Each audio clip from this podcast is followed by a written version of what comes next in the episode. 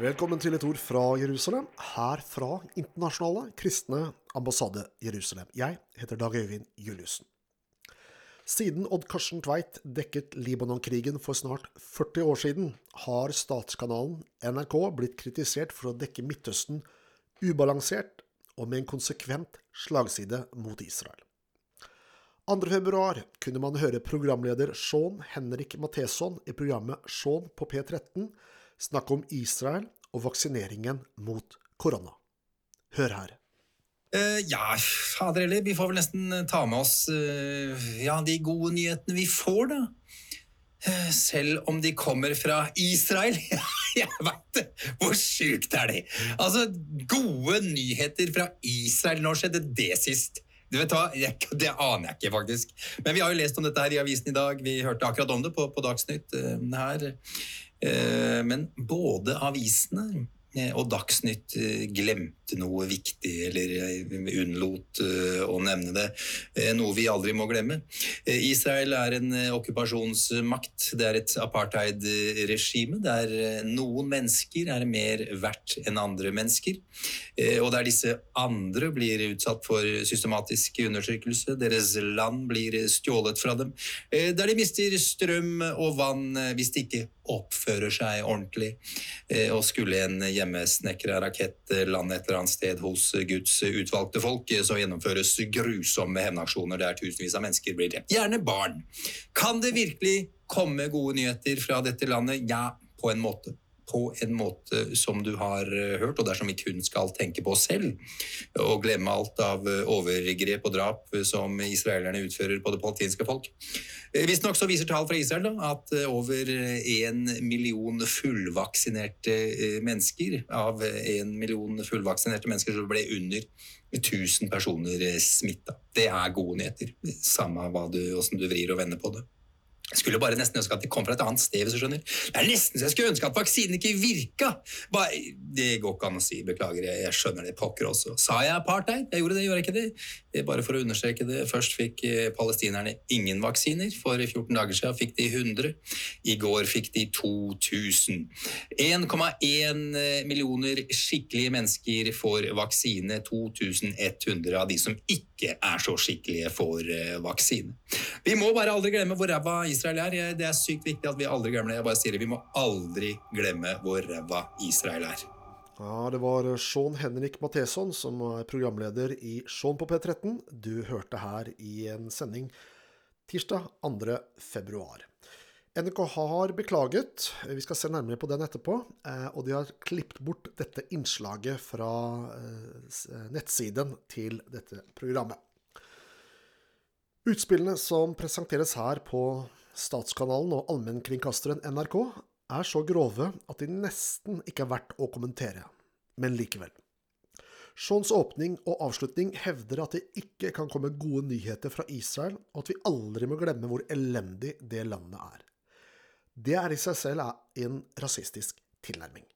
Ikke minst når vi vet at Israel er det eneste landet med en jødisk majoritet. Det er antisemittisme. Sean påstår at Israel er apartheid-regime. Det er overhodet ikke riktig. Israel har like rettigheter for alle sine statsborgere, enten de er jøder, kristne eller muslimer. Du finner jøder og arabere i alle deler av samfunnet, på universitetene, både som studenter og professorer, på sykehusene, både som pasienter og doktorer. Da Israels tidligere president Moshe Katsav ble dømt til fengsel, var én av de tre dommerne en araber og du finner dem selvsagt i parlamentet.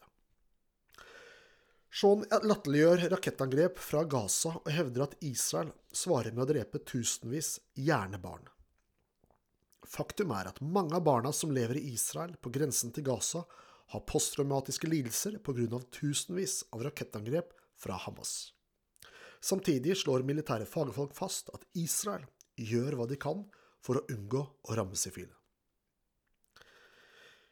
Israel vaksinerer sin egne eh, befolkning, enten de er jøder, kristne, muslimer, beduiner eller drusere. I henhold til Oslo-avtalen er det den palestinske selvstyremyndigheten sitt eget ansvar å vaksinere befolkningen i områdene Judea og Samaria, kalt Vestbredden og Gaza. Når Shaun sier at han skulle ønske at vaksinen ikke skulle virke i Israel, understreker hans demonisering av landet. Vi forventer at det blir et skikkelig etterspill i NRK etter dette utspillet. Sean Henrik Matheson bruker foraktelig begrepet Guds utvalgte folk. Det verste med Seans innslag er ikke de åpenbare løgnene, men det åpenbare hatet jødehatet. Musikk.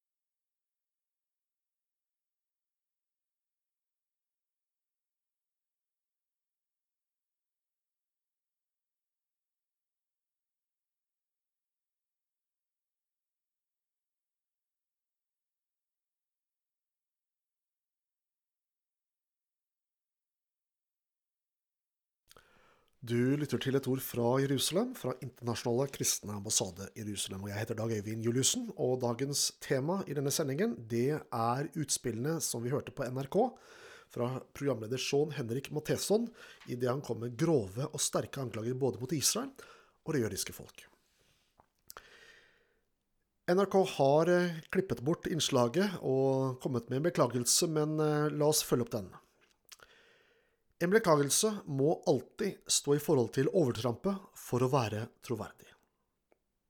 Spørsmålet er holder NRKs beklagelse mål i kjølvannet av eh, Mathesons angrep på Israel og citat, Guds utvalgte folk. Det var altså i dette programmet Sean på P13 at programlederen kom med påstander og anklager som var åpenbart antisemittiske.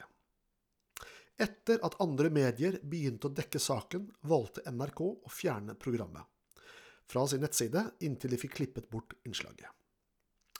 Til journalisten.no sier underholdningsredaktør i NRK, Sjalo Halvorsen, om saken følgende. Det er over streken. Dette må vi bare beklage, og jeg skjønner godt at folk er sinte, sier han. Halvorsen sier også at episoden ikke får konsekvenser for Matheson, men at denne biten av programmet vil bli avpublisert. Vi synes, vi synes det var over streken og et sleivspark i et direktesendt program. Vi skjønner at folk blir provosert, og, og at det er uheldig, så vi tar det bort, sier han, ifølge journalisten.no.